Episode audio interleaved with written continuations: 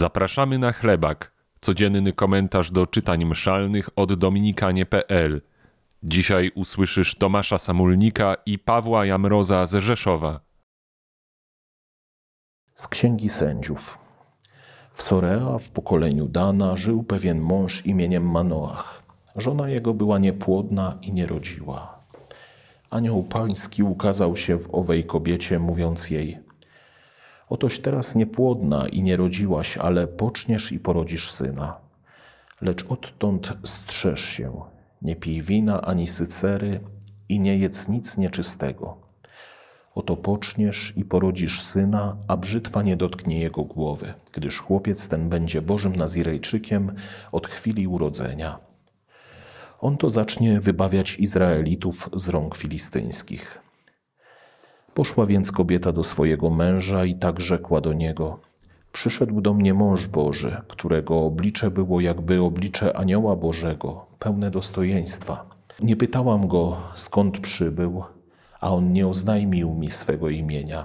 Rzekł do mnie: Oto poczniesz i porodzisz syna, lecz odtąd nie pij wina ani sycery, ani nie jedz nic nieczystego, bo chłopiec ten będzie Bożym Nazirejczykiem od chwili urodzenia aż do swojej śmierci.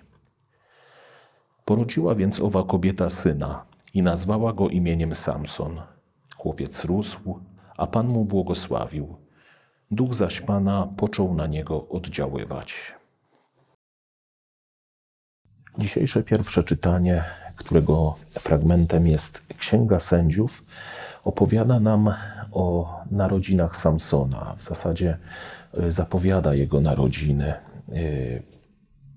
Spotykamy w tym czytaniu, w tej historii Manoacha i jego niepłodną żonę Annę, które, którzy czekali na spełnienie Bożej obietnicy dotyczącej potomstwa.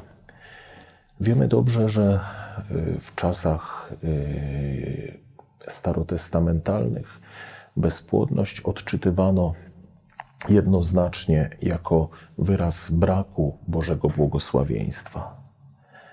Jednakże Bóg y, zlitował się i wysłuchując próśb y, niepłodnego małżeństwa i wchodzi ze, swoim, ze swoją interwencją, y, realizując cud życia, który właśnie na tej spalonej bezpłodnej ziemi, łona Anny znajduje urzeczywistnienie w konkretnym y, dziecku, któremu nadadzą imię Samson. Bóg przychodzi, Bóg leczy, Bóg interweniuje, dokonuje cudów poprzez naszą naturę, poprzez nasze naturalne zdolności które często będąc zaburzonymi, poranionymi, y, są w niemożności do rozwoju, a które też zamykają nas na innych. Ale gdy przychodzi Bóg, gdy interweniuje, wówczas wchodzi w nasze życie, no właśnie, życie, nowe życie. I pustynia o której już wspominaliśmy, staje się miejscem życia, staje się wodotryskiem, z którego sami możemy czerpać, ale mogą też z niego czerpać inni. W liturgicznym okresie Adwentu ta historia przywoływana jest dlatego, że Samson jest typem Mesjasza. Jest tym, którego Bóg ofiarowuje niepłodnemu małżeństwu.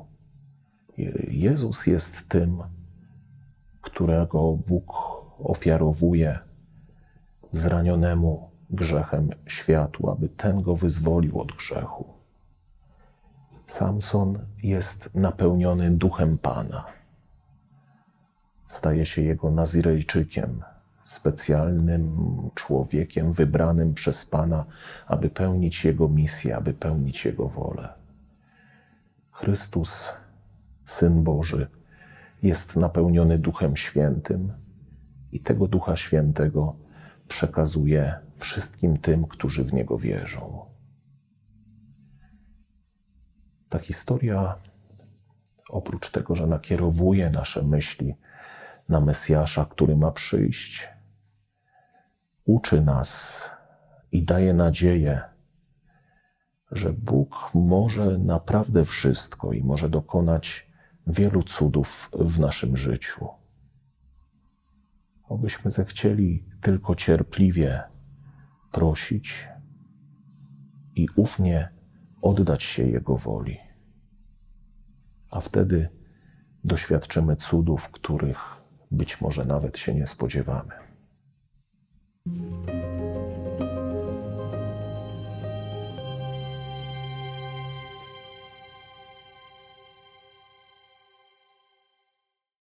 Z Ewangelii według świętego Łukasza.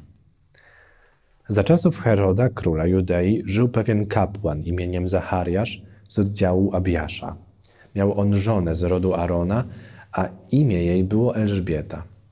Oboje byli sprawiedliwi wobec Boga i postępowali nienagannie według wszystkich przykazań i przepisów pańskich. Nie mieli jednak dziecka, ponieważ Elżbieta była niepłodna. Oboje zaś byli już posunięci w latach. Kiedy wyznaczonej dla swego oddziału kolei pełnił służbę kapłańską przed Bogiem, jemu, zgodnie ze zwyczajem kapłańskim, przypadł los, żeby wejść do przybytku pańskiego i złożyć ofiarę kadzenia. A cały lud modlił się na zewnątrz w czasie kadzenia. Naraz ukazał mu się anioł pański stojący po prawej stronie ołtarza kadzenia. Przeraził się na ten widok Zachariasz i strach padł na niego.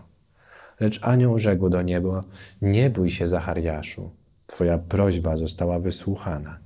Żona twoja Elżbieta urodzi ci syna, któremu nadasz imię Jan. Będzie to dla ciebie radość i wesele i wielu z jego narodzenia cieszyć się będzie. Będzie bowiem wielki w oczach Pana. Wina i sycery pić nie będzie i już w łonie matki napełniony będzie Duchem Świętym. Wielu spośród synów Izraela nawróci do Pana, Boga ich. On sam pójdzie przed nim w duchu i mocy Eliasza, żeby serca ojców nakłonić ku dzieciom, a nieposłusznych do usposobienia sprawiedliwych, by przygotować Panu lud doskonały. Na to rzekł Zachariasz do anioła, po czym to poznam, bo ja jestem już stary i moja żona jest w podeszłym wieku. Odpowiedział mu anioł, ja jestem Gabriel, który stoję przed Bogiem, a zostałem posłany, aby mówić z Tobą i oznajmić Ci tę wieść radosną. A oto będziesz niemy i nie będziesz mógł mówić aż do dnia, w którym się to stanie, bo nie uwierzyłeś moim słowom, które się spełnią w swoim czasie. Lud tymczasem czekał na Zachariasza i dziwił się, że tak długo zatrzymuje się w przybytku. Kiedy wyszedł, nie mógł do nich mówić i zrozumieli, że miał widzenie w przybytku. On zaś dawał im znaki i pozostał niemy. A gdy upłynęły dni jego posługi kapłańskiej, powrócił do swego domu.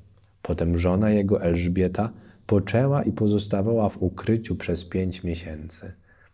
Tak uczynił mi Pan, mówiła, wówczas, kiedy wejrzał na łaskawie i zdjął ze mnie hańbę w oczach ludzi. W tej Ewangelii widzimy symbol milczenia milczenia spowodowanego niewiarą. Nie możesz mówić, jeśli najpierw nie przyjąłeś słowa. I widzimy to milczenie, bardzo podobne w przypadku Jana Chrzciciela, kiedy najpierw wychodzi na pustynię. To samo milczenie widzimy w przypadku Jezusa, który nie tylko wychodzi na 40 dni na pustynię, żeby, żeby się modlić i żeby pościć, ale tak naprawdę przez większość swojego życia pozostawał w ukryciu. Ta Ewangelia może przypomina nam, że pewnym starym kapłanom trzeba to milczenie nakazać, żeby nauczyli się słuchać słowa Pańskiego, przyjmować je i wierzyć w nie. Niech ta Ewangelia przypomina nam o wartości milczenia, które wiąże się ze słuchaniem. Nie możesz mówić słowa, nie możesz przekazywać słowa, jeżeli wcześniej go nie przyjmiesz i w nie nie uwierzysz.